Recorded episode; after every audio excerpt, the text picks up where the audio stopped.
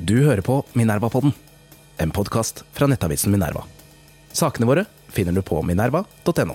Minerva-podden er en podkast fra avisen Minerva. Det er gratis å lytte til Minerva-podden, men det er ikke gratis å lage avisen. Hvis du vil støtte Minerva, kan du tegne abonnement ved å gå inn på minerva.no abonnement.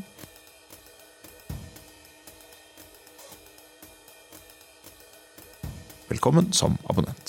Hei og velkommen til Minerva-podden. Mitt navn er Nils August Andresen. Jeg er ansvarlig redaktør i Minerva. Med meg i dag i studio har jeg Torbjørn Røe Isaksen. Hallo. Velkommen. Du er tidligere redaktør i Minerva. Du er tidligere stortingsrepresentant og statsråd. Jeg liker at du tar Minerva først, Ja, for det, det kommer- står øverst på CV-en, selvfølgelig. Ja, Det går vel kronologisk. Du er eh, samfunnsredaktør i E24. Jeg skal også si av presseetiske hensyn, og ingen andre, du er også min venn, Ja, det stemmer. nevner det. Hyggelig at du anerkjente det.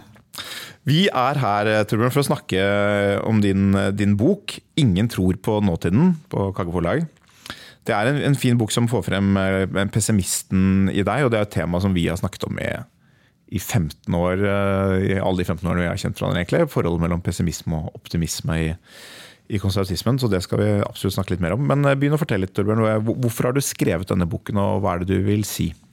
Strengt tatt så er det en bok som burde vært skrevet for kanskje fem-seks år siden. Jeg har hatt, uh, hatt, eller berørt noen av de samme resonnementene både som politiker og i E24 og i og for seg i, eh, i en bok jeg skrev om eh, konservatisme, egentlig, som het Hva er konservatisme hos Universitetsforlaget.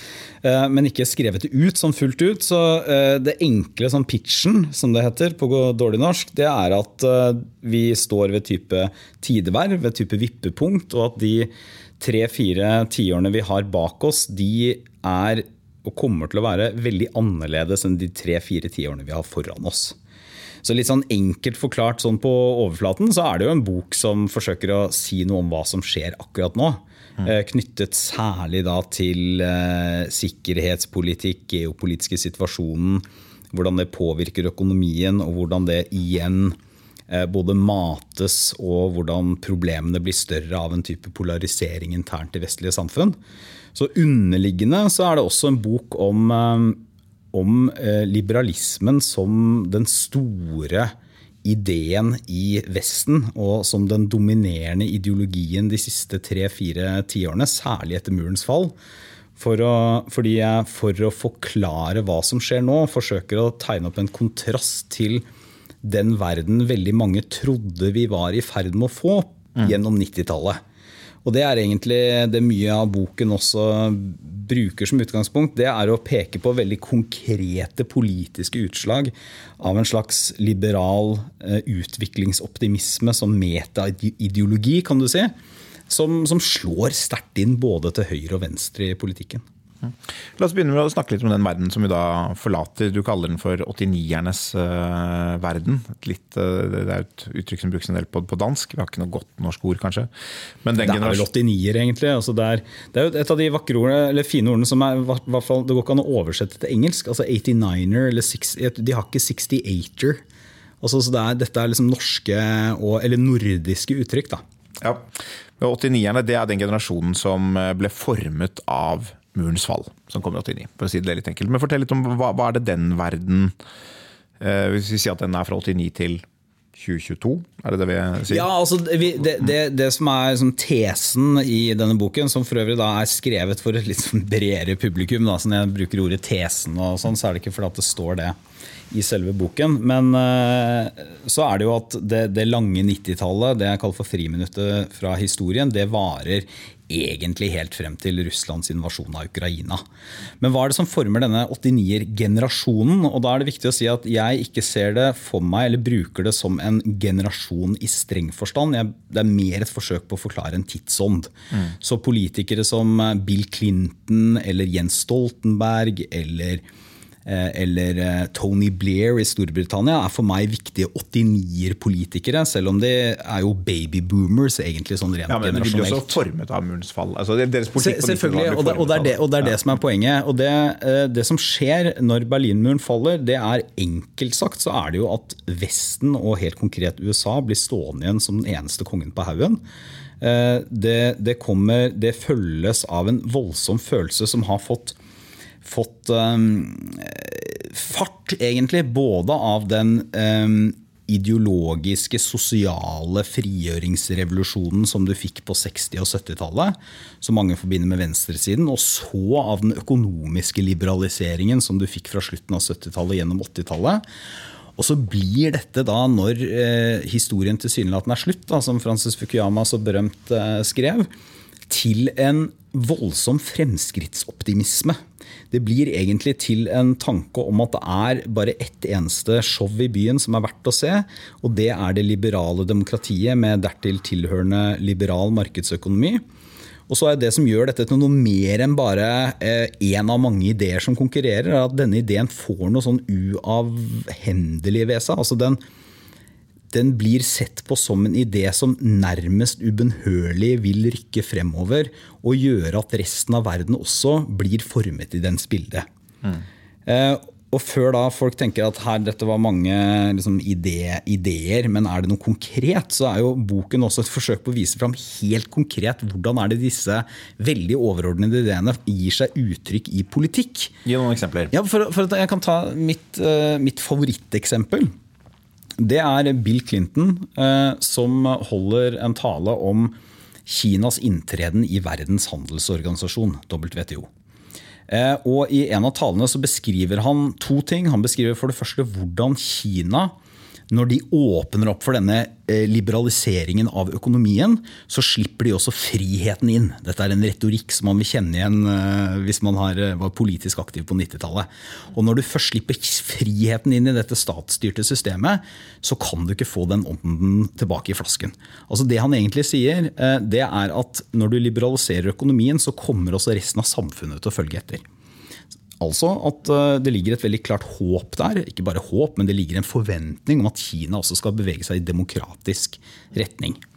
En stor, rik middelklasse vil gi eh, Nettopp. rettsstatsbasert og forhåpentligvis Nettopp. demokratisk politikk. Nettopp. Som, som, som, også for øvrig er en tanke vi kjenner igjen fra store deler av europeisk historie, men det skal vi kanskje komme litt tilbake til. Og som ha godt statsvitenskapelig belegg for seg også, da, bare så det er sagt. Det andre han beskriver, det er hvordan eh, menneskeheten står midt i en teknologirevolusjon. Internetts spede barndom. Og denne revolusjonen kommer nedenfra. Så den er ikke som den gamle styringsstaten og gamle teknologiutviklingen. Det er en slags sånn teknologisk grasrotbevegelse som er umulig å håndtere og styre. Og Det er veldig morsomt i den talen, for i transkripsjonen så så har de lagt inn når Clinton humrer og når eh, publikum ler. Mm. Eh, og Da ser du at da har Clinton så sier han bl.a. at kinesiske kommunistpartiet prøver å kontrollere teknologien. Humre, humre, humre. Mm. Og så sier han det, det er som å forsøke å spikre gelé til veggen, og så ler publikum. Mm. Og så kan vi da sant, selvfølgelig spole fram til i dag, for vi er så utrolig smarte, eller vi har i hvert fall fasiten, og vet jo at denne teknologiske utviklingen har jo også blitt et gigantisk undertrykkelsesverktøy for nettopp det kinesiske kommunistpartiet og maktapparatet. Bare for å, for å prøve, å, mm, prøve, å, bidra med noe utenfor boken. her. Altså du, du, er opptatt av 89-begrepet, eh, men du trekker med to andre ting. Nemlig siden frigjøringsrevolusjonen på 60-tallet. Sånn seksuelle, kulturelle, sosiale liberaliseringsbølgen. Og så den økonomiske liberaliseringen på 80-tallet, som jo begge to kommer før dette unipolare øyeblikket. Ja. Så du kan på en måte si at dette øyeblikket fra 89 til 2022, det er det er på en måte tre liberale bølger, mm. eller kanskje egentlig mer, som faller sammen i tid. Fordi jeg opplever at det er, på en måte ikke bare den 89-epoken som tok slutt uh, i 2022. Det er på en måte hele etterkrigstiden mm. uh, som uh, i Vesten var preget av samhold, stor og nesten universell oppslutning om det liberale demokratiet og fremtidstro. Mm. Men så tror, jeg, så tror, jeg, det som er avgjørende For jeg, jeg er enig i det. Og det, det, handler jo noe om de to store sivilisasjonskollapsene som første og andre verdenskrig er, som skaper eh, den relativt sett konsensuspregende modellen som de fleste vestlige land får. da hvor høyre- og venstresiden skifter på. Men, og det er delvis også skarpe ideologiske konflikter, men det er en slags sånn hovedretning. Og i hvert fall et veldig solid eh, fundament for et liberalt demokrati og en eller annen form for markedsøkonomi. Men så er, det, så er det noe som gjør at allikevel 89 skiller seg fra det. Og det er at den store motstanderen blir borte. Ja, ja. Mm. og det er det som gjør at, eh, at 89-eren er og 1989, og når Sovjet kollapser da to år senere, så blir det, det blir liksom en bekreftelse på at alt det vi har slåss mot, og alt det vi har liksom samlet oss om å forsvare, det var så riktig og det var så godt. Mm. Og, og, sammenlignet med Stalins Gulag og den sovjetiske totalt mislykkede kommandoøkonomien, så var det jo det også. Det er jo ikke noe tvil om. Men det er da det som skaper denne, denne hybrisen, eller denne litt forenklede, eh, naive, liberale utviklingsoptimismen som gjør at man tror at at vi lever i en helt spesiell tid i historien. Og det gjør man jo i og for seg alltid. I hvert fall hvis man, hvis man er kristen og ikke tror på, eh, eller kristent orientert og ikke tror på sånn syklisk verdenshistorie og sånn. Eh, men man, man, tenker ikke bare det, man tenker også at vi har liksom genuint lagt bak oss noe av det som gjorde at man fikk problemer i fortiden. Mm. Jeg, og her kan jeg, Hvis jeg bare kan ta enda et tidshopp, så er det en av de tingene som jeg synes har vært mest interessant å, med å jobbe med dette, det er at jeg brukte en del tid også på å lese beskrivelser av hvordan så verden ut i 1910, og 1911, og 1912 og 1913. Den perioden som alle vi vet eh, og omtaler som perioden før første verdenskrig, men som ingen selvfølgelig da visste var perioden før første verdenskrig. For, fordi for veldig mange mennesker da så var det også en periode preget av langvarig fred, økonomisk vekst, sosiale fremskritt, selvfølgelig noe turbulens og sånn, men allikevel en forventning om at verden skulle gå fremover. Mm. Den utenrikspolitiske himmel er skyfri. Ikke sant, som Gunnar Knutsen sa. Um, I 19, juni 1914, er det? Mai, nei, han, nei, han, sier det. Det er litt før. Det er på, på vinteren. På vinteren, ja. ja. Uh, nei, jeg er jo helt enig. Det, det, grunnen til at jeg tok opp dette med, med si, hele etterkrigstiden, er at vi, vi, snakker ofte om at det som er nytt uh, nå, at vi kommer tilbake til en sånn uh, multipolar verden med, som er genuint mye mer usikker, sånn, sånn som det var før første verdenskrig. i en viss forstand. Men jeg lurer også på, sant, fordi vi har det, det som utløser denne nye orden i en viss forstand, det er jo Eh, Kinas vekst er en veldig sånn strukturerende sak. At vi får en global konkurrent som står for andre ting, og som er så stor at det ikke kan ignoreres. Eh, og så er det da Russlands angrep som gjør det så tydelig her for oss i Europa at den freden som vi forbinder med Pax Americana, den er ikke lenger der. Altså, det har vært masse, masse, masse kriger de siste 30 årene også, men de har ikke skjedd i den europeiske hjerte, i Vestens hjerteområder, kjerneområder. Nei, vært, og da var det borgerkrigen i Jugoslavia. Ja, ikke sant, det var sånne ting. Så, så vi opplever at dette er noe nytt, at vår eh, sikkerhetspolitiske arkitektur utfordres, som man ofte har sagt. Men jeg opplever at det er noe mer enn det også. Og det er nettopp knyttet til denne manglende troen på, på den liberale økonomien, og den manglende, det manglende samholdet i innad i vestlige land, aller best uttrykt selvfølgelig i USA, med manglende oppslutning om uh, mm. maktovertagelser og valgresultater, som er, som er nettopp antitesen til dette samholdet som man hadde etter krigen. Så jeg, jeg vil spørre deg om altså, Det at det unipolare øyeblikket blir borte, det er på en måte logisk, og det har man i viss forstand alltid visst. Altså, det, det, det, betyr ikke at det har vært kulturelt uttrykt, men analytikere har skjønt at Kina kommer. Eh, man har ikke visst akkurat når, men man har skjønt at det kommer. Det er ikke noe overraskende. Det er dramatisk, men ikke overraskende. Uh, mens disse andre utviklingstrekkene i Vesten de er jo på en måte mer i en viss forstand mer overraskende. Det, ja, det ville man altså- ikke gjettet i 2005, at, at, vi, at vi, er så lette ofre for russisk uh, jo, påvirkning. Og, ja, men så, ikke, men så, er det jo ikke bare det heller. og det er jo En av de tingene som jeg bruker litt tid på, det er at uh, russisk påvirkning altså det, er uh, det er jo ikke sånn at russ, russisk påvirkning klarer ikke å få gjennomslag hvis man ikke spiller på strenger som allerede eksisterer. Nettopp. Så det betyr at den store fortellingen om at Vestens tid er forbi, at vi er eh, vi er dekadente, vi er svake, vi har glemt det som egentlig er viktig. Det er noe som resonnerer, og det resonnerer i mange av de tingene jeg også har tenkt og skrevet om de siste 10-15 årene. Eh, ikke at vi er så dekadente, men, men allikevel at det er noe vi har glemt. Verdien av hardt arbeid, eller vi, har vi mistet det som holdt oss sammen som samfunn? Altså, dette er ting som resonnerer hos mange mennesker. Så jeg tror det, det, det, spesielle er ikke at den vestlige verden har den type skarpe, polariserte diskusjoner, for det har vi også hatt tidligere. Og den politiske krisen i det største landet, eller mektigste landet i Vesten, nemlig USA, var nok mye dypere og større på 70-tallet. Eller i hvert fall den var tilsvarende dyp, ja, den var dyp på, på 70-tallet. Eh, på mange måter, tror jeg jeg må si. Eh, hvis ikke må vi ha en egen podkast hvor vi snakker bare om det. Eh, som den var nå. Eh, det var ikke, det var ikke like sterkt elitesplitt, det er det spesielle nå. Men, eh, men i hvert fall så har det vært politiske kriser eh, som har vært dype og vanskelige også før. Det som er spesielt nå, er jo at dette kommer samtidig. Mm. Og at det er en type gjensidig forsterkning her, hvor polariseringen i Vesten, muligheten til å utnytte polariseringen i Vesten, spiller opp under det som er det felles budskapet fra f.eks. Kina og Russland, nemlig at Vestens tid er på hell. Mm. Og at det er et gode, og at derfor så må denne globale skjelettet av en global verdensorden som Pax Americana har eh, sikret, det må liksom skyfles ut, for det er noe som tilhører gårsdagen. Og når alt dette skjer samtidig, så mener jeg at det er oppskriften på et type vippepunkt som ikke bare handler om hva som skjer i det enkelte land, men også om egentlig hele, hele verdenspolitikken, da, kan du si. Mm. Altså, det har jo vært eh, en, et skift som har vært varslet lenge. Altså, finanskrisen var mm. et tidlig punkt, og realpolitikkens tilbakekomst og at pausen, historiske pausen var over. Det tror jeg Robert Kagan mm. skrev i The Return of History. Ja da, eh, lenge. Eh, og flyktningkrisen, Trump, brexit, alt dette var jo en rekke sånne tegn, og, så kommer det. Men, men, du gir en særlig plass til, til Kina og Kinas vekst. Si litt om det. Altså, du, har jo, du har vært i Kina som, som statsråd. Og, altså, hva er det hva Man, man blir ikke Kina-ekspert, bare har vært i Kina Nei, som statsråd. Men, men, men, men, mer som norsk observatør og kommentator, hva er det med Kinas vekst som påvirker oss så mye. fordi hvis du ser på det fra et norsk perspektiv, så vi har ganske lite handel med Kina. Ja, det, er ikke, det, er langt borte. Det er, det er, måte ikke så prominent i den offentlige debatten, men du mener det har en sånn strukturerende virkning. Si, si litt om det. Ja, jeg tror, jeg tror det er eh, to, to, punkter som er, som er, viktige for å forstå hvorfor, hvorfor dette er eh, noe som former også vår hverdag og virkelighet.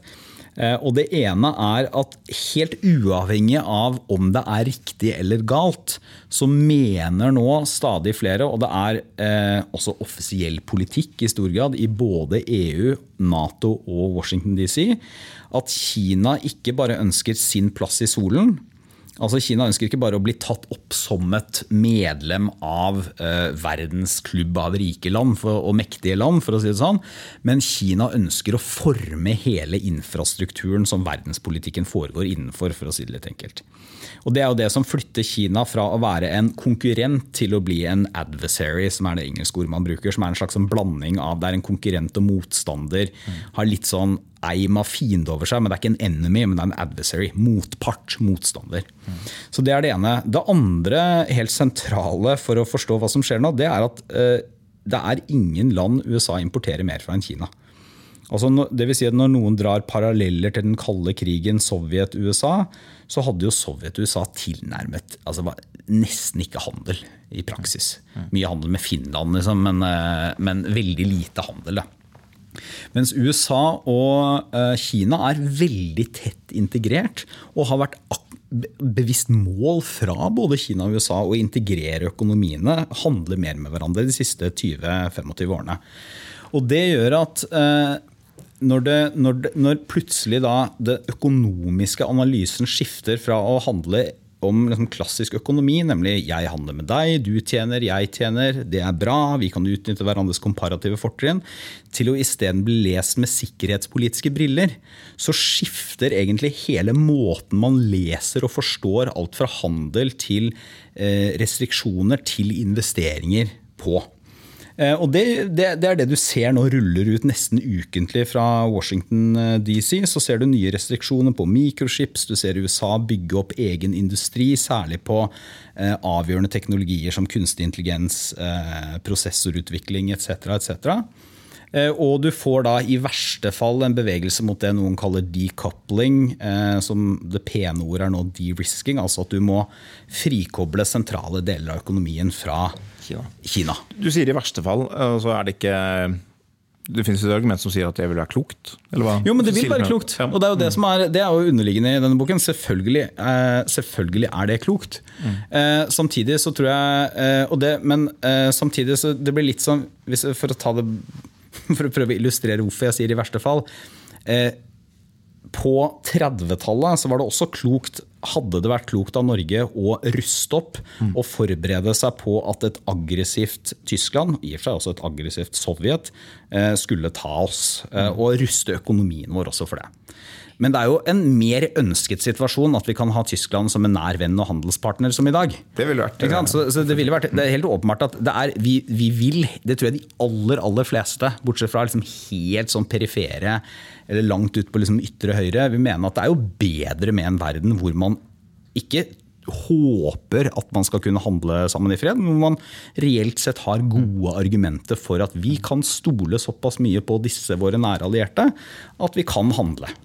Men det kan vi ikke lenger, og derfor må vi ruste oss f.eks. når Kina har eh, både på altså Microchips er et eksempel, sjeldne jordarter og mineraler. Gruver i hver Repparfjord. Jo, men det er, det er liksom der vi, det er der vi er, og plutselig så har bare på, bare på få år altså, så har eh, diskusjoner som vi før førte med veldig sånn lokalt utspring. Mm. Kanskje handlet det litt mineraler om det grønne skiftet og sånn. Plutselig er jo det storsikkerhetspolitikk. Eller, mm. det, når jeg sier plutselig, så er ikke det riktig. Altså, dette har utviklet seg over flere år. Men nå er det veldig, veldig tydelig. Mm. Og det er et eksempel på at uavhengig av, aldri, uavhengig av en eventuell potensiell militærkonflikt f.eks. knyttet til Taiwan-stredet, så vil forholdet USA-Kina Eh, kaste inn India der også, så blir det enda morsommere. Eh, det vil prege også norsk politikk. Mm. Jeg tenkte å, ta bore litt i analysen av hvorfor, det, hvorfor, denne situasjonen har oppstått. Og det er, du snakker om et hybris, eller i hvert fall beskriver et vestlig hybris. En for liberal økonomi, kanskje en for stor grad optimisme med økonomisk integrasjon og hva det kan føre til. Men, men det er et litt interessant spørsmål hva man mener hadde vært riktig. Altså det spiller på en måte ikke noen rolle i en, i en, analyse. Men det er som du sier, det, fin, det fantes jo argumenter for å gjøre dette. her, og Man kan sammenligne litt med den politikken vi har ført om for Russland, som kritiseres fra mange ulike hold. Det er mange som, ja, Vesten gjorde aldri nok for å hjelpe Russland å reise seg. Dermed ble Russland revansjistisk og bittert og nasjonalistisk. Det er en analyse som jeg ikke deler, men som, men som er relativt utbredt. At vi, vi lot Russland liksom gå til hundene. Eh, Kina hadde en annen utviklingsbane, men man kan jo på en måte si at vi, vi gjorde jo i forstand veldig mye for å hjelpe Kina til økonomisk vekst gjennom frihandel, investeringer og WTO-medlemskap. Som selvfølgelig ikke alene, men som var klart bidragsytende faktorer til å forklare hvordan millioner av mennesker ble løftet ut av fattigdom i Kina. Og Kina er et stort land med veldig, veldig, veldig mange fattige mennesker på landsbygda. har det vært. Så du kan si at sånn, I fravær av den utviklingen så kunne man jo sett for seg en destabiliserende, mer aggressiv militaristisk utvikling i, i Kina også. Absolutt. Og jeg tror um, altså Man sier at det er veldig lett å være etterpåklok, og det er det jo selvfølgelig til en viss grad. Men det, det er ikke så lett som man skulle tro. Altså, for mm. Det er helt åpenbart at hvis man hadde gått tilbake og Hvis du spoler tilbake fra 1989 da, mm. eh, og ser på Vestens Kina-politikk hvis, hvis vi da hadde behandlet Kina som en slags internasjonal paria, eller siden Nixon aldri hadde dratt til Kina, da. Mm. Neida, men ta 1980, hvis vi hadde behandlet Kina som en internasjonal paria, ikke sluppet dem inn i verdensøkonomien etc., etc., eh, så ville nok Kina vært fattigere, men det ville også helt åpenbart kunne ha en mye eh, Du ville kunne fått et mye verre og vanskeligere Kina enn det tross alt ansvarlige landet vi har i dag. Altså Kina er, ikke, Kina er en ansvarlig aktør. Ja, det, er ikke, det, er ikke, Russland, liksom? Nei, nei jo, men altså, Russland er faktisk en god parallell. Du trenger ikke å dra helt til eh, Nord-Korea. Eh, men, men, eh, samtidig så er det, lett å se noen områder hvor vi kunne og burde rustet oss bedre. altså For å, for å da ikke bare skyte på andre. Eh, jeg syns denne Bergen Engine-saken som kom da jeg satt i regjering, også Nå var riktignok ikke jeg næringsminister på det tidspunktet, da, men jeg satt jo i regjeringskollegiet. Og det var et russisk selskap som var inne, men viste jo at Norge hadde veldig liten beredskap for å tenke på næringspolitikk som noe annet enn bare kroner og øre. Noen ting selvfølgelig, at vi hadde fått en sikkerhetslov på plass, sånn, men poenget er bare litt sånn forenklet. så eh, hadde vi ikke tenkt gjennom hvordan utenlandske aktører på helt legalt vis innenfor markedsøkonomiens helt normale rammer også kunne bruke det til å tappe oss for eh, intellektuelle verdier, til å bygge sin egen beredskap, til å hente teknologi hjem til landet, og til å kunne utgjøre en sikkerhetsrisiko. Og det kanskje, kan jeg bare ta Det beste eksempelet på dette er jo Nord Stream 2. Ja. Som jeg vet at Minerva skrev om dette for flere år siden også. Hvor, eh, hvor en av dem som hadde vært mot dette, var jo Donald Trump. Mm.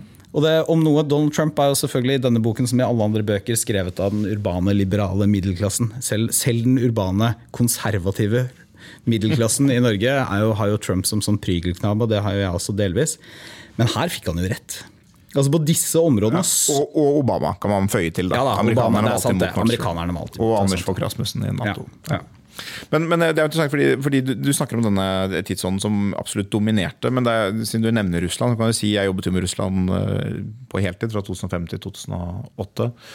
Og um, i den perioden og like etterpå så var det jo var det også mye kritikk fra en del type sikkerhetspolitiske miljøer mot de olje- og gassprosjektene som Norge jobbet med. Én ting er sånn som Stockmann, hvor altså Norge ønsket å investere på russisk uh, sokkel.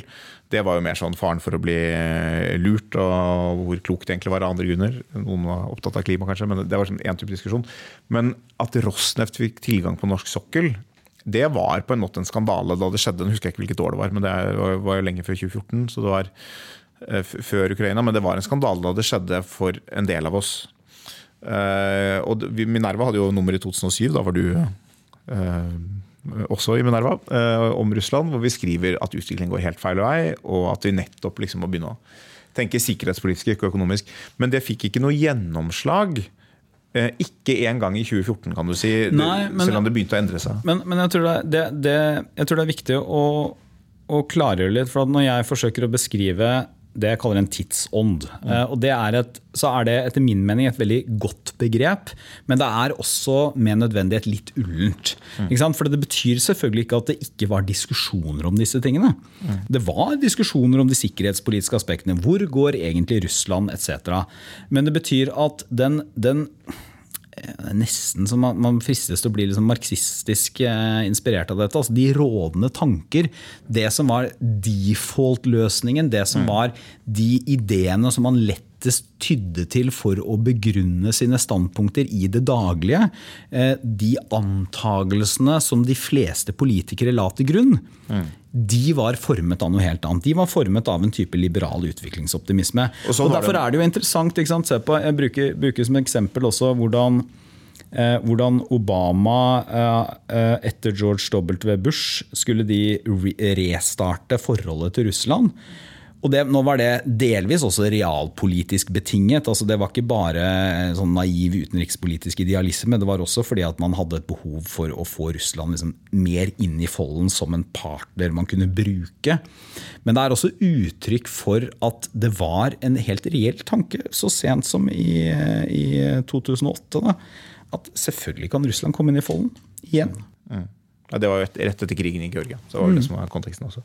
Så nei, absolutt at de kan gjøre det. Og det er jo det er vel samme Rosneft at man skjønte at man kunne gjøre det, men det, man, det føltes så dramatisk å si vi utelukker dere fordi dere er russere. Det føltes som et veldig brudd med tidsånden. Men så er jo det, det, det, jeg forsøker, og, og som jeg syns er interessant, det er jo um, Det er litt litt som um, hvis, du går, hvis, du går, på en sti som har et hull i, og så faller du ned det hullet én gang. ok, Det er interessant.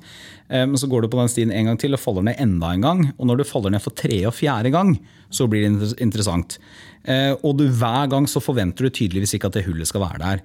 Og noe av det jeg forsøker å skissere opp, og som jeg syns er besnærende, da, det er hvordan dette er en felle som vi har gått i veldig mange ganger gjennom vår historie. Det er ikke bare vi som har begått den, den feilen og, og gått, falt ned i det hullet. Det er veldig tydelig at dette er en måte altså Med jevne mellomrom så kommer det epoker, særlig de siste 200 årene. Da. Kanskje særlig de siste 150, hvor mennesker i Vesten tenker at nå er vi liksom ferdig med det gamle greiene der. For det, det, er alltid gamle greier. Det er noe sånn gufs fra historien som du kan overvinne og legge bak deg. Og nå er vi over i en genuint ny tid hvor de gamle reglene gjelder ikke lenger. Mm. Ja, altså, du kan si Alle kulturer har på en måte sine um, default-ting man går til. Og så blir man overrasket når verden ikke fungerer uh, sånn. Du kan si Det er jo det kanskje Putin feilberegnet litt i Ukraina. at han tenkt at Vesten har alltid vært dekadent og svakt. Ja. Kanskje ikke alltid, ja. men i hvert fall nå. Eh, men la oss gå litt videre til dette med denne, denne vår naive forestilling. Den utnyttes av andre land. og du, du, har en stor del av boken som handler om idékrigen mot Vesten. Si litt om hva du mener med det. Hva, hva slags type krig er det? Fordi vi, vi, jo, vi snakket om den kalde krigen i sted, og det var jo, det var jo en stor ideologisk konfrontasjon. En, I en viss forstand en mye større ideologisk konfrontasjon den gangen enn i dag, som var eh, altomfattende og global, og som selvfølgelig hadde dype avtrykk også innad i Vesten. Men Ja, dette altså- er noe litt annet. Ja, det er noe litt annet, men, men det er samtidig også interessant at, eh, å huske da, at uh, i den kalde krigens tidlige fase så var det, var det også en reell bekymring for at Vesten var i ferd med å tape. Og en av de tingene som jeg uh, borer litt i, det er koblingen mellom økonomi og ideer. Eh, og det, eh, For å si det litt sånn enkelt, da? Så, var, eh, så var en av de tingene som, som ble Sovjets problem, og det var et ekstra stort problem for et marxistisk land som skulle levere på marxismens historisk deterministiske løfte om bedre vilkår for folk, det var at økonomien leverte ikke. Altså Rent sånn faktisk, du, du fikk ikke det igjen som du var lovet, og Vesten gikk mye bedre. Eh, Og Dermed så ble de også ideologisk og økonomisk bankerott. Det som er interessant med Kina, for jeg synes når det gjelder denne idékrigen, så er Kina minst like interessante som Russland. eh, Det er at Kina var i mye av den samme situasjonen. Kina hadde en økonomi som åpenbart ikke fungerte. De hadde en ideologi som hadde inspirert veldig mange på 60- og 70-tallet på den ytre venstresiden. Men så på et eller annet punkt så var de ideologisk bankerott og økonomisk bankerott. Og så bygger de da opp denne, eller liberaliserer økonomien sin litt veldig forsiktig. Og lager det mange i Vesten tror er et slags første steg mot en type liberal, eh, sosial markedsøkonomi eller noe sånt. Og er i en slags idémessig krise. Og Det vil si at det er det punktet hvor Vesten føler seg sterkest. For da er det både sånn at økonomien vår er eh, bankers, den leverer velstand og vekst for folk. Samtidig så har vi det idémessige overtaket. Og så har tanken vært at dette eh, Jeg skal forsøke å forklare hvordan jeg tenker litt enkelt. for at Tanken har vært at Litt sånn hegeliansk dette. For at tanken har vært at, eh, at eh, hvis, hvis du har en økonomi som er liberal, men en politikk som er undertrykkende, så må økonomien egentlig er nesten litt marxistisk også, så må økonomien etter hvert prege ideene dine. Så derfor vil du bli mer liberal også idémessig. Mens det Kina har gjort og fått til, og som gjør at de nå representerer en mye større ideologisk trussel også, er at de har bygget en ny ideologisk himmel over sin økonomi. Som jo ikke er en avart av liberal markedsøkonomi. Det er en statsstyrt økonomi med liberale eller privatkapitalistiske innslag, kan du si. Men åpenbart statsstyrt. Og så har de da bygget et ideologisk byggverk som, som har bitte lite grann marxisme igjen, men som handler mye om orden, fellesskap. Eh, At, eh, at vi har et samfunn hvor alle har sin plass, men alle blir også passet på, i kontrast til det individualistiske, kaotiske Vesten. Og Det betyr at Kina, i hvert fall sånn det har sett ut eh, frem til nå, nå får vi se hvordan det går, det er mye turbulens i kinesisk økonomi nå, men Kina har fått den kombinasjonen som, eh, som Sovjet bare hadde i sine aller tidligste, eller i hvert fall eh, kanskje litt etter krigen. da. De har altså en, en ideologi som i teorien kan ha universell appell. Orden, en stat som får til ting. Eh, fellesskap fremfor eh, vestlig individualisme. Samtidig som de har en økonomi til å backe det opp. Og det er en ganske potent kombinasjon, tror jeg. Jeg kan bare si, si om den kalde krigen, altså Den frykten for at uh, Sovjetunionen skulle gå forbi oss, den var jo som du sier, den var jo sterk relativt lenge, og ut til tidlig 60-tall. Ja. Og den ga seg noen veldig klare uttrykk. Sputnik skapte jo en stor eh, frykt i 1957. Gagarin skapte eh, stor frykt. Min far besøkte Sovjetunionen i 1959 og skrev om det for NUPI, tror jeg. Eh, og da ser man jo veldig tydelig hvordan, hvordan diskusjonen i Norge nettopp er denne eh, diskusjonen om eh, tanken om at Sovjetunionen kan gå forbi oss økonomisk. Men vi representerer noen, noen andre verdier. Frihet og, og sånne ting. Men, men de, jo, de har jo denne selvtilliten på at de skal vokse. Eh, og så blir det klart. Relativt fort så blir det klart. Men hvis du ser på Kennedys uh, Ich bin ein Berliner-tale, så så er det, Ja, man begynner å snakke om det økonomiske, men uh, hovedfokuset er fortsatt et annet. Mens på slutten av 60- og begynnelsen av 70-tallet så er det på en måte klar, allerede klart at Sovjetunionen har fullstendig stagnert. Og Det kan man jo håpe holdt jeg på å si, at skjer med, med Kina også. Jeg, jeg er litt usikker på om den den ideologien har, den, den har ikke den samme sånn dramatiske appellen som Nei, altså, kommunismen den, sin, den, den, sin hadde. nei, og derfor er det, eh, eh, kommunismen sånn, liksom sovjetkommunismen, eller kommunismen som den var, er ikke noe god parallell direkte. Eh, det som er den gode parallellen, er hvordan Sovjet er ideologisk og økonomisk bankerott. Ja. Men poenget mitt er at Kina, eh, det Kina klarer, er nettopp å, å bygge en slags statsideologi som har bredere appell enn til bare Kina. Og sånn utenrikspolitisk så er jo kjernen i det at hvert enkelt land må forfølge sin egen utviklingstid. Det er det liksom slagordet her. Respekt for kinesiske verdier. Vi respekterer deg. Vi skal i hvert fall ikke gjøre sånn som Vesten, som blander seg inn og snakker om menneskerettigheter og eh, bomber deg hvis du er slem mot minoritetene dine etc. Og så, så, har de vel også et slags eh, etter hvert eh, bedre forsvar for motstand mot et vestlig demokrati ved å peke på kaos i USA. ja, Det har de helt åpenbart. Men, så, men så, så, er det jo også, så er det jo også til ettertanke da, at um, når vi sier, og det er, igjen, Dette er jo mye diskutert og mye forsket på, og det finnes empiri på det sånn fra statsvitenskapen, at en solid middelklasse er den viktigste garantisten for et demokratisk system. Eller viktig for et demokratisk system. Så er det jo også gode argumenter for at det viktigste for en middelklasse er nettopp eh, orden. Mm. Og det er, Hva er det som kjennetegner middelklassen? Det vil si at de har noe å forsvare. Altså eh, orden, eh, eiendom på en eller annen måte. Eh, samtidig som de, er, eh, de kan ikke bli herset med av elitene eller godta mye korrupsjon f.eks. Eh, der, så det er ikke gitt at, eller det er på ingen måte gitt, ser vi nå at liksom, middelklassen i Kina altså Ikke bare er det på ingen måte gitt, det er sannsynligvis feil at middelklassen i Kina skulle være et eller annet sånn arnested for demokratiske reformer. De er nok et viktig eh, gruppe for kinesiske myndigheter eh, i, i eh, i arbeidet med å sikre et system som ikke er korrupt, og som klarer å levere resultater mm. forutsigbart både på økonomi og til en viss grad på politikk. og sånn også. Men demokratisk, det er veldig kaotisk, da. Eh, demokratiet.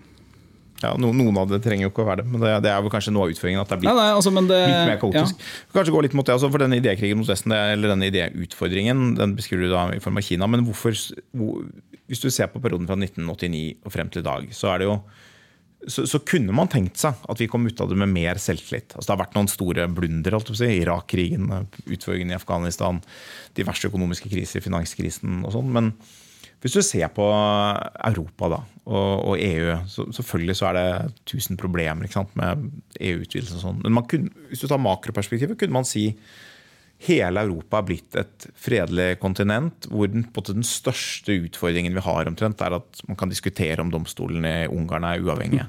Ja. Uh, og velstandsnivået har økt, fattigdommen er uh, lav. Uh, man kunne på en måte tenkt sånn. Man kunne tenkt at dette er, er nettopp orden og fred og stabilitet. USA har selvfølgelig de siste, altså siden Trump kom, kom på scenen, vært politisk i en viss forstand veldig kaotisk. Men Europa har ikke i hovedsak vært det. Vi har jo hatt spisse debatter om forskjellige ting, men allikevel så er det denne opplevelsen av at det er noe altså Hva, hva er dette for noe? Hvorfor har vi denne opplevelsen? Ja, jeg, jeg tror, det handler nok også om flere ting, men jeg tror én viktig, viktig bestanddel i dette er at um, vestlig politikk, både amerikansk og europeisk, har jo ikke bare vært giret inn mot at vi skal ha det bra her. En ting er at Europa har hatt, hadde en veldig treg periode. Altså de snakker om Europas tapte tiår etter finanskrisen. at man har slitt med å få i gang vekstmotoren i mange europeiske land. Men jevnt over så er jo selvfølgelig folk i Europa er eh, fortsatt de rikeste i hele verden, med noen unntak. Amerikanere, australiere og eh, Singapore og sånn. Men, men, eh, men, vi har jo også vært vant til, og ikke minst har våre politiske eliter vært vant til, at vi også er toneangivende internasjonalt. Og det er nok der jeg tror liksom det fremste, det fremste virkelig reality-checken av virkelighetssjekk høres så dårlig ut, men konfrontasjonen eller krasjlandingen i virkeligheten kommer. Fordi eh, den type, den type, dominans globalt som vi har hatt, eh, skyldes delvis økonomi, delvis sikkerhet, delvis at våre ideer eh, og selv om vi sier dette er universelle ideer, så har de i stor grad sånn de har blitt presentert, vestlig utspring. De har også vært referanseideene internasjonalt. Vi har redigert verdens globale avis. for å si det sånn. Så Det er fullt mulig å starte en egen avis, men de har ikke vært like viktige. Eh, og den perioden vet vi går mot slutten. Og Det er jo det eneste eh, Tony Blair og Xi Jinping og Vladimir Putin er enige om. Det er at tiden for Vestens dominans, sånn som vi har kjent den, ikke bare siden 45, men lenge før det også, den er nå eh, på vei mot slutten. Men det betyr ikke at vi blir fattige. Nå, nå holder vi liksom Russland og sikkerhetstrusselen der litt utenfor. Det betyr vi kan leve fint, vi. Og vi kan, eh, vi kan være rike og velstående og sånn. Det er bare at vi, vi vil ikke ha den samme Vi vil ikke være alene om å ha hånden på rattet internasjonalt lenger. Men det er noen interessante ting eh, med hvordan vi håndterer den. Ja, vi hvis vi er heldige, da. Hvis vi er veldig uheldige, så ryker jo, så klarer vi å ødelegge våre egne systemer Ja, ja, innenfra. altså, sånn. krig mot Taiwan, og så er det så, forfall og sammenbrudd. Det kan skje. Klimakrise. eh, AI utsetter oss. eh, Så vi kommer dit etter hvert. Men eh, bare dette med at vi mister hegemoniet internasjonalt, for å begynne der, eh, så er det noen interessante paradokser i hvordan vi håndterer det hjemlig, både på det høyre- og venstresiden, eller i hvert fall på, på den, den siden som har lyst til å påvirke internasjonalt, og de som vil være mer journalistiske. Så har vi sånn eh, Qatar-VM er et godt eksempel, hvor eh, i Norge så var det alle, alle, alle som ytret seg nesten. Sånn, vi må boikotte, protestere, ha regnbueflagg osv. Som er ganske interessant eh, hvis du tenker at dette er et land som EU på dette tidspunktet forhandler LNG-kontrakter med. Kritisk viktig sikkerhetspolitisk og strategisk. Al-Jaziras hjemland. Ja, altså dette, dette er, Qatar er jo i sitt nabolag eh, et åpenbart liberalt regime. Altså det, er ikke, det er ikke en europeisk stat. Nei, og det er det, land- det er det landet i Midtøsten som har hatt størst fremgang på alle sånne Freedom House-indikatorer osv. Hvis du tar, begynner på den datoen de fikk tildelt uh, fotball-VM, og frem til 2022, så er det liksom størst fremgang på alle sånne indikatorer. Eh, så det er et land som selvfølgelig som sier, masse å kritisere, men, men det er sånn, hva, hva er det vi tror vi oppnår ved å gjøre det? Men det er et krav som stilles i vestlige land, og i Norge var det få motstemmer. altså Minerva var, var faktisk en motstemme der. Eh, Erik Torstvedt var ute og ble umiddelbart tolket som Ja, noen, noen nordmenn med, med Ja, ja, minoritetsbakgrunn. Absolutt. Eh, Josef Adoui var, var ute og snakket om det, og sånn, for, og Erik Torstvedt skrev om det i avisen, men ble da umiddelbart skyldt for å være liksom, en betalt agent for et eller annet. eller noe sånt. Så, men Det er et interessant eksempel på eh, en situasjon hvor det i en viss forstand allerede er åpenbart at vi har ikke lenger noen makt til å påvirke dette. Én ting er Norge, men, men Vesten. Hvor, hvor, hvordan kan vi si det? Jo, fordi Qatar-VM var i en global sammenheng en kjempesuksess. Mest sett nesten overalt. I og for seg mest, eh, masse som så det også i Norge. Altså den boikotten Folk flest i Norge bryr seg Nei, om jeg- dette. Det er et elitefenomen. Men jeg syns det er et ganske illustrerende eksempel. Altså. Men, men bare ta på den andre siden så har du da Tony Blairs analyse. Hvorfor var Tony Blair så mot eh, brexit? Det var jo fordi ha- hans analyse alltid hadde vært at Vestens tid går mot slutten. Så hvis vi i det hele tatt skal kunne ha en stemme internasjonalt, så må vi opptre samlet. Eh, Men der har du på en måte utfordringen at eh, veldig mange av de kreftene som eh, de de konservative kreftene på den siden som ikke har lyst til å drive med masse homoaktivisme globalt, de, har, de mangler jo det elementet i kaller forsvaret for Vesten globalt. At de er veldig nasjonalistiske, typisk EU-skeptiske, typisk kritiske til den transatlantiske alliansen, eller i hvert fall nedtoner den. Hvem er det som skal egentlig forsvare dette? Hvordan skal vi finne vår plass og forsvare den? Nei, jeg, altså er jo, eh, men ta, la, oss, eh, la meg begynne der du begynte, da, med Qatar. Mm. Eh, Hvorfor er det interessant? Der, du har pekt på noen av grunnene. Det ene er da hva slags land er Qatar. Eh? Qatar er blant de liberale landene i den arabiske verden. Det, det tror jeg vi kan helt sånn med sikkerhet slå fast. Eh, og Det andre som er interessant, det er at eh, det er ikke lenger slik verken internasjonalt eller i Norge. Selv om jeg er enig at det var ganske dominerende i Norge. Men selv her så kommer det noen motstemmer, og internasjonalt er det veldig tydelig at vår kritikk er toneangivende eller det eneste som gjelder. Og så er det jo, eh, Samtidig så er det slående også nummer tre at eh, vi har ikke frem til vi, vi ble jo i 1989 kvitt denne eller i hvert fall 1991 da, kvitt denne kaldkrigslogikken, som jo vi ikke likte å snakke så mye om, men som var sånn vi allierer oss med dem fordi det er nyttig for oss. Eh, selv om de er fascister. Our bastards. Eh, Ikke sant? Our bastards. Ja. The son of a bitch, tror jeg det var. eh, Jeg tror det er Franklin D. Roosevelt som har det. eh, Som sier det. Eh, og det betyr f.eks. en av de tingene jeg følger med stor interesse nå, det er hvordan USA og Biden-administrasjonen klarer å støte fra seg Saudi-Arabia f.eks. Eh, og så kan man si at ja, Saudi-Arabia er et fælt land. Jo da, men det, det, er, det, er, det, men det er også en helt avgjørende oljeprodusent. En tett, nær alliert av Vesten, særlig USA, gjennom flere tiår.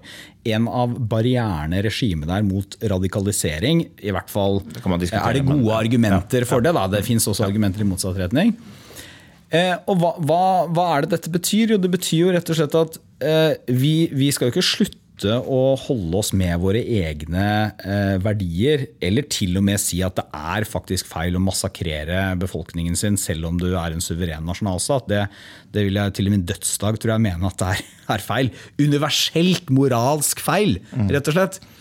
Eh, men vi må, vi, må for, vi må, bare vite at vi lever i en verden hvor det ikke er en selvfølge at det blir eh, at det er toneangivende på samme måte som tidligere. Men Mener du at det, altså at det ikke er toneangivende, men mener du at vi uh, bør Kall det sette foten ned overfor sånne land, da, med risiko altså, å skyve fra hverandre? Eller bør vi si nei, altså, det er men, our men jeg bastards? Synes også denne, jeg, jeg syns at vi i større grad må si det er our bastards. Ja. Uh, det, er, det, er, mitt utgangspunkt. Mm. Det, vi, må også, vi må forholde oss til, på interessebasis, land som også er veldig annerledes enn oss, har andre grunnleggende verdier enn oss, fordi at de i sum deler noen ting som er viktige for oss. F.eks. Mm. sånn som uh, USA nå bygger bygger allianse med f.eks. kommunistpartiet i Vietnam. Mm. Eh, fordi at dette handler om sikkerhetspolitikk knyttet til Kina. Det mener jeg er riktig å gjøre. Eh, og så det, kan det ha noen problematiske sider, og det betyr ikke at man får blankofullmakter. og sånn, men jeg mener at det, det, må man gjøre. Men så tror jeg også at eh, Qatar-VM Qatar og hele diskusjonen der viser jo også at vi, vi, vi tenker liksom ikke over at våre standarder også endrer seg. Mm. Eh, så, så, så, så det er, det, jeg kan skjønne den der følelsen i en del land om at det er stadig Vi blir stadig mer liberale, så derfor skal alle andre land også følge ja. med oss i den liberale reisen. Tenk, altså, tenk hvordan det hadde vært hvis, hvis, noen hadde kommet til Norge i 1952, eller 1959 eller 1969 1952 og sagt at jesuitter skulle ha adgang til riket. ja. Nei, men sagt Norge får ikke være med i Nato før uh, dere tillater homofili. Og så kan det jo hende at vi da ville tillatt homofili. Vi hadde ikke hatt så mye valg. Vil vi, og mange ville jo ønsket det, og det var jo selvfølgelig det riktige å gjøre. Men det er mer sånn hvordan ville vi reagert på det, og hvordan ville Sovjetunionen utnyttet en sånn situasjon? Og Det er det vi ser nå. Det er det som jeg syns er interessant uh, fra mitt perspektiv, da, som Russland kjenner, å se på russisk public diplomacy i den tredje verden i mm. dag, mm. som er veldig sentrert rundt sånne kjønnstemaer, men også en del andre ting Vesten gjør. og si du kan aldri stole på Vesten. Vesten kan aldri være en alliert, fordi de, de, er med deg en dag, liksom, men så det, kommer det et nytt krav om at nå må dere endre homofililovgivningen, eller nå må dere ja, eh, frie noen journalister, eller sånn, liksom, eller så mister dere all støtte. Kom heller til oss, vi er med dere i rene pragmatiske interesser. Ikke sant? Nei, og, det, og, og, av, og poenget, poenget, er bare at dette får, dette får også helt reelle utslag. Nå er ikke jeg Sahel-ekspert nok til å, eller Niger-ekspert nok til å gå inn i og si noe liksom substansielt, men jeg registrerer jo at veldig mange analyser der altså Det vi i hvert fall ser på overflaten, da, det er at Russland versus Frankrike-Vesten det er blitt eh, noe som i hvert fall deler av befolkningen, og i hvert fall eh, de som ønsker å vise frem deler av befolkningen, bygger opp under. Mm. Så, så, dette har jo også noen storpolitiske det det. implikasjoner. Altså, det, har, masse, det, er masse, å si for den internasjonale støtten til Ukraina. Ja. Det er motstand mot uh, elementer av Vestens utenrikspolitikk. Noe av det har jo vært veldig omstridt i Vesten også, la oss si, Irak-krigen og den type ja. ting. som som eh, vi, vi, var mot. Eh, men, men, eh, mange andre aspekter også som vi i og for seg har tenkt på som vår idealistiske og, gode utenrikspolitikk, men, men, er veldig upopulært mange steder. Ja, men det er, det er der jeg tror at vi, og dette tror jeg rett og slett er en er en sånn mental omgruppering som vi må gjøre. For vi har jo vi har, litt sånn hendig så har vi lagt forskjellige deler av vår agenda i forskjellige bokser. Så vi har tenkt at vi er eh, fredsprisland som Norge. da. Vi er fredsprisland, og så kritiserer vi menneskerettighetsbrudd i andre land. Det er liksom der borte. Og så er vi jo en del av Nato. Det har ikke vært så langt framme i pannebrasken i en del tiår nå. Eh, men vi, har, vi må liksom grunnleggende godta at den posisjonen som vi har, er også bygget på makt og militærmakt. Mm. Det er ikke bare sånn at folk har eh, tenkt at Vesten er kjempebra fordi de har så gode verdier og økonomiene deres leverer vekst og velstand. Det er også slik at USA er den desidert sterkeste militærmakten i verden. Og den implisitte trusselen om amerikansk militærmakt har alltid ligget bak, er det som opprettholder en eller annen form for kontur av en global orden, da, hvis man kan kalle det det. Så jeg tror Du, du har beskrevet dette i en Minerva-samtale før, jeg vet ikke om det står i boken, men på det hele ideen om at Én ting er at vi, har, at vi har drevet og løpt rundt i verden og belært folk om menneskerettigheter. Man kan diskutere hvor klokt det var. Men det at vestlige land har kunnet gjøre det, har vært uttrykk for at en del av disse ideene har vært strukturerende for internasjonale relasjoner. Og også trolig hatt som konsekvens, i noen tiår i hvert fall, en generell liberalisering og demokratisering. Men at nettopp muligheten ja, og, for å gjøre det har vært opprettholdt av amerikansk prestisje, økonomi nettopp. og militærmakt. Og, og, når du dette, og, når du da kobler dette sammen for å se litt hva vi, hva vi forlater, da, når du kobler dette sammen med f.eks. krav om politisk reform og løfte om investering, f.eks. Mm. Eller tilgang til det globale markedet, eller tilgang til vestlige markeder, mm. deltakelse i internasjonale økonomiske organisasjoner, så ser du hvilken pakke Vesten har hatt. Og bare så det er sagt, Jeg mener at det er eh, det er, det er jo igjen, det er litt som eksempelet sånn, er det bedre å ha et Kina som vi er redd for, eller et Kina som vi stoler på å handle med? Selvfølgelig bedre å ha et Kina vi stoler på å handle med, og det er bedre med en verden hvor folk ikke forfølger og fengsler seksuelle minoriteter. Det er, det er, en horribel ting at man, eh, at man, skal kriminalisere på den måten kjærlighet mellom to, eh, to mennesker. Men vi, vi, vi, lever altså i en verden hvor vi er nødt til å forholde oss til forskjellige måter å se det på. Og ikke bare det, hvor vår måte og våre verdier og våre vurderinger av dette vil ikke ha den samme tyngden som før. Og Helt uavhengig av hva man måtte mene om det, så er det et faktum man bare må erkjenne. Mm. La oss snakke litt om da, så Du er jo her i og for seg et um, uttrykk for det du selv skriver, skriver, som en diagnose. Demokratier uten selvtillit. Vi har ikke mm. lenger selvtillit på at vi kan det, og bør kanskje ikke ha det. Men, men for å snakke litt mer om, eh, om hva som skjer innad i Vesten. Altså det, er, det, er, to forhold som preger eh, disse demokratiene uten selvtillit, som du vil. Og det er stor strid om eliten. Eh, en upopulær elite som ikke er helt i kontakt med folket, kanskje. Si noe om hva som har skjedd med den. Og den kulturkrigen den avføder, og som, som preger oss. Du, du, har ikke vært noen sånn kjempeaktiv kulturkriger, men, eh, men Nei, du, veldig... du, er en kulturkrigsanalytiker i hvert fall. ja, men jeg har, jeg har, sånn, jeg har et par uh, ting som jeg har holdt ved, fast ved i mange år. og Det ene er at det er to typer mennesker i verden. og Det ene er de som er sinte, og så er det de som er redde for alle som er sinte. Og ja. Jeg tilhører definitivt siste kategori. Ja. Eh, og jeg har også, som en sånn konservativ anlagt person, vært bekymret for nettopp å gjøre om en del sånn konservatisme til sinthet. Mm. Eh, og Det henger sammen med mitt andre poeng, og det er at det er en del tradisjoner og normer og verdier i et samfunn som ødelegges når de blir krig. Mm. Eh, fordi at hele poenget med, med, Dette er ikke den eneste måten å være konservativ, men det er i hvert fall den måten jeg er konservativ på. Det er jo at noe av verdien i felles institusjoner og felles verdier og normer og tradisjoner er jo nettopp at de er felles. Ikke 100% men at et stort flertall kan slutte opp om dem. Og i det øyeblikket man gjør det til kulturkrigspørsmål, så har man tapt noe på veien. Så jeg syns det er veldig vakkert det er et samfunn med folk som går til altså Ta julegudstjeneste som et liksom banalt eksempel. Da. Går til julegudstjeneste fordi det er tradisjon. Jeg tror det gir oss noe også som samfunn. I det øyeblikket det blir et politisk statement å gå til julegudstjeneste, så har vi tapt noe.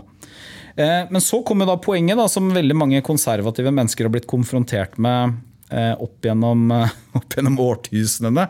Og det er at På et eller annet punkt så blir jo angrepene på disse fellesinstitusjonene så harde at man faktisk må gå inn i en type krig for dem.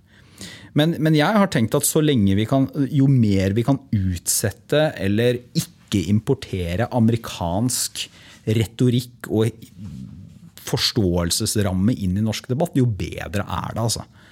Eh, rett og slett.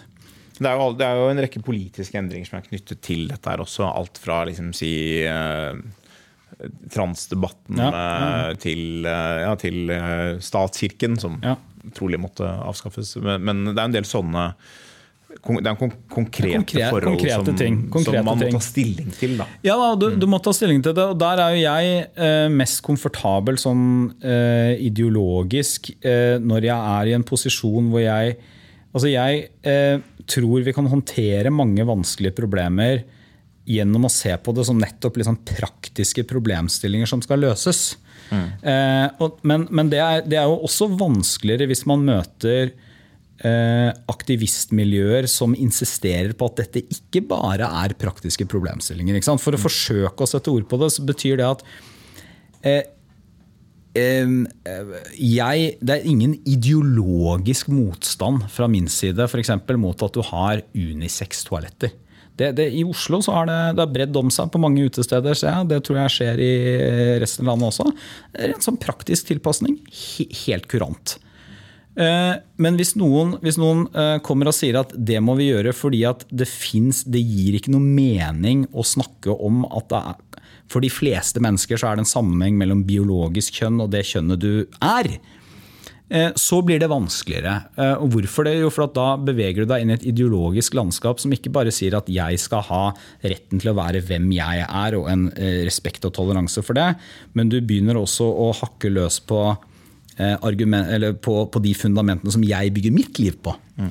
Og Det er litt som i liksom, eh, den gamle, gamle, gamle homokampen, hvor liksom eh, Det er et visst sånn skille mellom de som sier at jeg vil, jeg vil ha min plass for min kjærlighet inn i det som er de etablerte institusjonene i samfunnet, f.eks. gifte seg i kirken, eller kunne gifte seg i det hele tatt. Og de som sier at hele det heteronormative, patriarkalske A4-samfunnet, det, det kan vi ikke leve med hvis vi skal ha frigjøring. Og det siste, hvis det siste blir dominerende, så må det liksom mobilisere. Da. Det var kronikk, dessverre. Det var kronikk i Dagbladet var det Ole Martin Moen som skrev at eh, monogami er umoralsk. Ja, ikke sant? Så, men det, nå er det et ytterpunkt. Da. Men, men, men, jeg er nok fortsatt der at jeg, at jeg, eh, jeg, er, jeg tror det er dårlig å liksom fyre opp under kulturkrig. Mm. Fordi at det er, Jeg tror det er dårlig for samfunnet, men, men, det er også noen ting jeg mener vi selvfølgelig skal forsvare. Mm. og som jeg er villig til å gå det, det er sånn, det Eksempelet nå, akkurat nå på, denne kjønnsdebatten, det er jo da stein, saks og papir-mesterskapet, som du kanskje har fått med deg? Nei. Nei, hvor en, en influenser som har sagt at det finnes bare to kjønn, ble kasta ut derfra. Ja. For, for, å ha sagt det for et halvt år siden, etter tips da fra en aktivist i Skeivt nettverk i Rød Ungdom. Så, men det, og det er sånn, I en viss forstand en bagatell. Stein, saks, papir-mesterskapet er ikke blant de største tingene her i verden. Men, men det er uttrykk for at uh, jeg som deg, jeg sier at er, de fleste ting bør vi finne praktiske løsninger på. Vi bør ha respekt for alle mennesker og prøve å legge til rette for at flest mulig kan leve gode liv. Og Det krever noen kompromisser og det krever eh, at man deeskalerer masse konflikter. Og så blir det sånn, Hvis den deeskaleringen fører til at den, denne type strømninger vokser frem så, som også er autoritære islett i seg, eller som helt uunngåelig fører til veldig stor konflikt, i hvert fall, siden minst halve befolkningen ikke deler dette synet, ja. så, så, har man på en måte et problem som man må håndtere. Da. Ja. Og, og, det er jo en interessant da Du snakker om elitene også, at det er elitene i Norge og i Vesten har jo overveiende grad vært ganske liberale. Og de som er konservative innad i disse elitene, er jo også, som deg og meg, eh, skeptiske til å føre denne aktive kulturkrigen? Ja, altså, altså vil jeg jo si at både, både du og jeg, eh, og da snakker vi om liksom konservativ, ikke sånn partipolitisk nødvendigvis, men mer sånn i bred forstand, er jo utpreget liberale, liberale ja, ja, konservative. Sånn, så, der, så, så, så, hva er det med disse, Si litt om denne eliteanalysen din. Den er altså, fremmedgjort fra et eller annet. Ja, men den, den, den eliteanalysen min er jo veldig enkel, og den, det er mange som du ser det samme i hele Vesten. Da. Det er at du det er at de som er eh, ikke bare topp 1% eller noe sånt, men de som er eh, høyere utdannet, bor i by, akademiske og dermed også innehar styringsposisjonene i samfunnet på, på nær sagt alle områder, har gjennomgående mer liberale standpunkter i en rekke saker. Alt fra likestilling til kjønn til innvandring, som jo har vært veldig, veldig viktig de siste to-tre tiårene. Eh, og som skiller seg markant fra enten et flertall eller et stort mindretall i befolkningen.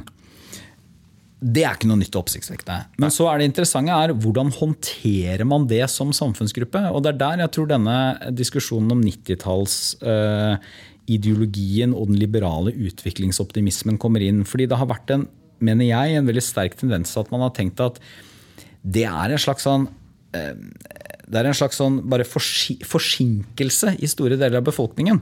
Og no, Historisk sett så er jo ikke det helt urett. Altså det, er, det, er, ting som f.eks. synet på homofili, da, som er beveget seg veldig raskt, og hvor noen går foran og kjemper det fram, så kommer andre etter. Men man har tenkt det på veldig mange områder, at det er en forsinkelse i befolkningen. Og så har du da for hver homokampdiskusjon, så har du innvandring f.eks. Hvor årsakssammenhengen er motsatt. Hvor det faktisk er liksom grasrota, for å si det sånn, sin skepsis som har vist seg å bli å være riktig, og er det som i dag er førende på mange måter for deler av norsk politikk. i hvert fall. Mens den mer sånn rendyrkede liberale eh, vi må hjelpe verden, og det er bra for økonomien vår, er det jo veldig få som har eh, hengt, henger fast i fortsatt. da. Mm. Så, så, jeg tror at noe av dette skyldes også at, at den samfunnseliten som jeg da har trådt inn i en eller annen gang på 2000-tallet, er jo så annerledes enn tidligere. Jeg kaller det eliten som ikke forsto at den var en elite. Eh, rett og slett fordi at man ikke tilhører det gamle um, privilegerte, født til makt og rikdom og innflytelsessfæren. I hvert fall en del av oss. Nils August. Eh, og man tilhører heller ikke den sosialdemokratiske eliten slik den en gang var. Som jo var en sånn Som hadde kjempet seg til makt. kjempet seg til makt, liksom, På vegne ja. av en klasse. Einar Gerhardsen er helt sikker på, til sin dødsdag visste han at han var selvfølgelig statsminister, en, en ruvende skikkelse, men han var det på vegne av en bevegelse og et parti. Ikke for at han var så innmari flink, eller liksom, det, var ikke, det var ikke noe individuelt knyttet til det. Og jeg tror samfunnseliten som er noe annerledes, eh, rett og slett. Altså Den eh, tenker at eh, de har de, de har de meningene de har, dels fordi de er de de er, men at bare, de har på en måte de selvsagte meningene. Man, man, man har meningene man har, for det, det, er de fornuftige og ofte moderate. Eh, og de er til en viss grad tenker man på dem som avideologiserte, eller i hvert fall mindre ideologiske. Ikke en del av ytterpunktene, ytterkantene.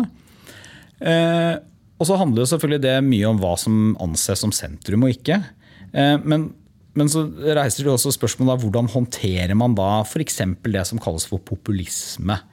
Eh, og da tror jeg at uh, samfunnselitene i altfor stor grad har liksom kunnet kimse av dette, se bort fra det, tenke at dette er bare irrasjonell stemnings, irrasjonelle stemningsbølger i folkedypet som vi egentlig ikke behøver å forholde oss til. For vi er litt sånn forvaltere av eh, den sunne fornuft og den, den teknokratiske, avideologiserte visdom og kunnskap. Mens god politisk ledelse i et samfunn forutsetter jo at man hele tiden har øyekontakt. Og Det betyr ikke at jeg har liksom konvertert til populismen, snarere tvert imot. tror jeg, Men det betyr at jeg, hvis ikke politikken klarer å fange strømninger i brede lag av folket, så er jo den demokratiske politikken på sikt død. Mm. Altså det, det, sånn må det være. Du kan ikke bare overbevise folk om at det du mener er riktig. Du skal også fange opp det som skjer ute blant folk. Torbjørn, boken din slutter med Eh, en referanse til en video, en YouTube-video av Dag Frøland. Du skriver at folk under 40 år kanskje ikke vet hvem det er. og legger klokt nok til at folk over 40 år kanskje heller ikke vet hvem det er. Men, men Dag Frøland var en revyartist uh, i Norge på 70-80-tallet. Uh, eh, han har en sang som interessant nok ble, ble, vist på NRK. Det, det var datidens store underholdning. hvor han synger litt nostalgisk om Europa. Og det munner ut som både ditt slags fremtidshåp. Og her føler jeg at jeg må stille et par kritiske spørsmål på akkurat konkret hvordan vi skal gå frem for Hva, hva er liksom veien fremover? Fordi det bildet du tegner er eh, Vi er en generasjon, en politisk, eller en politisk tidsalder, som er, som er, forbi, som er preget av hybris. Og det, det, er, det er, borte. Eh, sikkerhetsarkitekturen i, i, Vesten er skutt i filler, og Kina har reist seg som en ny makt. Og vår plass på den internasjonale scenen kan aldri bli det samme igjen. Eh, du, du, eliten i Vesten eh, mangler eh, tillit og mangler politisk forståelse og fingerspiskefyll. Og vi er preget av kulturkriger, manglende selvtillit og generelt forfall. Og det er liksom, det er jo Du skriver at både, du har i deg pessimisten og optimisten, men dette er jo dette er jo pessimistens ja, da, bok. Det er det. Ja, da, på, hva er det konkret vi kan gjøre? Ja, For det første så var det deilig å være ferdig som politiker, så ikke eh, forlaget eller andre krever et sånt kapittel med sånn Ok, hva er de konkret politiske reformene? Og så må man si sånn Kommunereform kan bedre dette. Eller et eller annet sånn med skolen eller noe sånt. For det er mye av dette her Det mest åpenbare politiske implikasjonen her er jo sikkerhetspolitikk, og dette har noe å si for økonomien og sånn.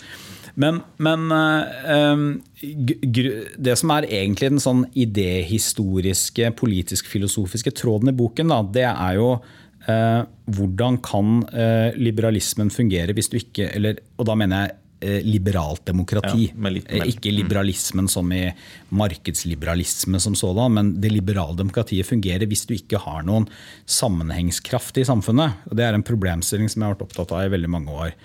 Og så er jo dilemmaet da nettopp at eh, vi har hatt tider hvor vi har hatt noen sånn felles referanser som har vært så sterke at de, de, holdt oss sammen. En gang i tiden så var det kirken, eh, så var det erfaringen fra andre verdenskrig.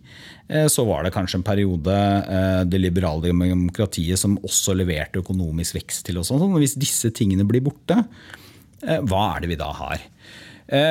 Og litt av Problemet er jo at når vi først begynner å diskutere hva er det som egentlig holder oss sammen, så kommer vi til da, hva er bildet på dette landet eller det Europa da, hvis vi bruker det som eksempel, som, som vi skal forsvare. Er det homoparaden, eller er det Notre-Dame? Da mener jeg Notre-Dame som åndelig fyrtårn, ikke bare som en sånn gammel nedbrent ruin.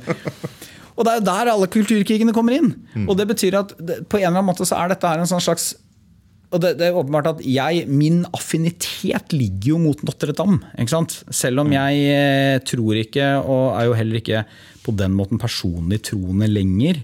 Men jeg tror jo ikke at vi får en sånn renessanse for kristendommen som felles etisk rammeverk. Jeg tror ikke det er mulig i våre samfunn heller. Så det er en slags sånn resignert aksept for at det vi da faktisk har i disse samfunn, den, den som peker på homoparaden og den som peker på Notre-Dame, det er jo da denne, dette liberaldemokratiet som et type modus vivendi. Altså det er, det er en slags midlertidig løsning. Vi kommer ikke til noe bestemt mål, men vi, vi kjemper i hvert fall for rammen som gjør at eh, du både kan synes at homoparaden er det beste og Notre-Dame er det viktigste. Eh, så, så, egentlig er jo ironisk nok, før Dag Frøland, da, så er jo det som er lyspunktet i denne boken, er jo at i den ekstremt pressede situasjonen vi har havnet i nå med Russlands invasjon, så blir det en gjenoppdagelse av noe, noe som har vært de grunnleggende fellesverdiene i vestlig sivilisasjon eh, og demokratiske samfunn. Eh, I hvert fall de siste hundre årene. Ja, det kan man håpe. Det er jo et veldig interessant land som du ikke skriver så mye om. Det er jo Polen, som ja. Eh, er en ekstremt viktig del av den kolonisasjonen som støtter eh, Ukraina. Som inntil 24.2.2022 eh, var Eh, en, eh, et land man helst skulle snakke ganske stygt om mm. Uh, i Norge. Selvfølgelig Det er mange ting der å være bekymret for, og rettsstat og rettsreformer og sånn, men spesielt da selvfølgelig pga. homofilispørsmålet, hvordan det har vært håndtert, og litt innvandring og, og litt sånne ting. Og Det er, det er jo en øv, det, det, det, du sier her med at vi, vi kan anerkjenne denne verdien av at vi kan mene ulike ting, det er jeg enig i, og, og, men det er også en litt sånn det er en blanding at det er ikke alltid vi lever opp til det. Mm. Har vi egentlig levd opp til det? Altså med, med si, hvordan vi har forholdt ja, jeg, vil, jeg vil si at Det største problemet er jo at det er, er det noe særlig å ha. da? Så, så, poenget er at det er jo en sånn når jeg sier at det er en sånn resignert ja. optimisme, rett og slett for at jeg mener at det, det er noe det vi har. da. Ja, Nei, det, ene er, vi, det ene er om vi klarer å leve opp til det, det andre er det at i USA for eksempel, så ser man jo på en måte at kanskje vi er det nok. da. Mm. At, at, folk blir ok, Donald Trump perverterer systemet osv., ja. men folk støtter ham allikevel, for de er mer opptatt av faktisk å vinne frem med sin politikk enn å respektere men, men systemet. da. Mm. Som, som, helt sånn grunnleggende politiske, ideologiske syn, da, så, jo, så, viser jo det nettopp faren i eh, også en såkalt konservativ bevegelse, da, som de jo kaller seg i USA, som er ja, på mange måter har liksom legitime ankepunkter mot det som har vært en, en venstreliberal eh, Jeg vil ikke si kolonisering, men liksom man har venstreliberale ideer har tatt hegemoniet i amerikanske institusjoner over flere tiår. Eh, Noen ganger til veldig bra også, f.eks. på oppheve liksom Jim Crow i sørstaten. og sånt. Ja, Som også kom, det var ikke ja, det, det var i og for seg Vet du Nå så merker jeg at det ble litt upresist, for at det er en myte. At dette er, liksom, det er så venstreliberalt at liksom raseskillet i USA ble opphevet. Det er også Ja, ja. så- ja. Men det, er- det er liberalt med liten L, da. Ja, ikke sant? frem. Ja. Ja. Mens, mens, men, men det farlige med det er jo nettopp at man pulveriserer de institusjonene som både er nødvendig for orden i et samfunn, og som er de man tross alt har for å holde et samfunn sammen. Ehm, Men det er jo sånn med kulturkrigene og alle polariseringer at det må jo to til. Det, det fins enveispolarisering, altså hvor bare noen polariseres. Mens det man ser nå som, som bekymrer på høyresiden, det er jo at det som kanskje har vært en polarisering på deler av venstresiden, har jo nå fått ekko i en desto sterkere polarisering på høyresiden også. Ehm, og desto sterkere som ytterliggående hang. Det er en fin og, og litt pessimistisk uh, sted å Men hør den, gå og se uh, den lille YouTube-videoen til Dag Frøland. da. Ja. Og det er en veldig sånn gammeldags, han er veldig anti-amerikansk, og alt mulig sånn, men den er en fin liten sånn Det er jo ikke så gærent, dette skakke lille kontinentet vi har, da. Det er ikke så gærent. Og for dem som ikke lar seg trøste av det, så fins det jo ett tiltak til for å løse alle disse problemene. Og det er jeg sikker på at du vet hva er, eh, Torbjørn. Er det å kjøpe boken? Kjøpe boken, abonnere på Minerva, og redusere og på sikt avvikle formuesskatten. Torbjørn Røe Isaksen, tusen takk for at du kom i studio. Tusen takk.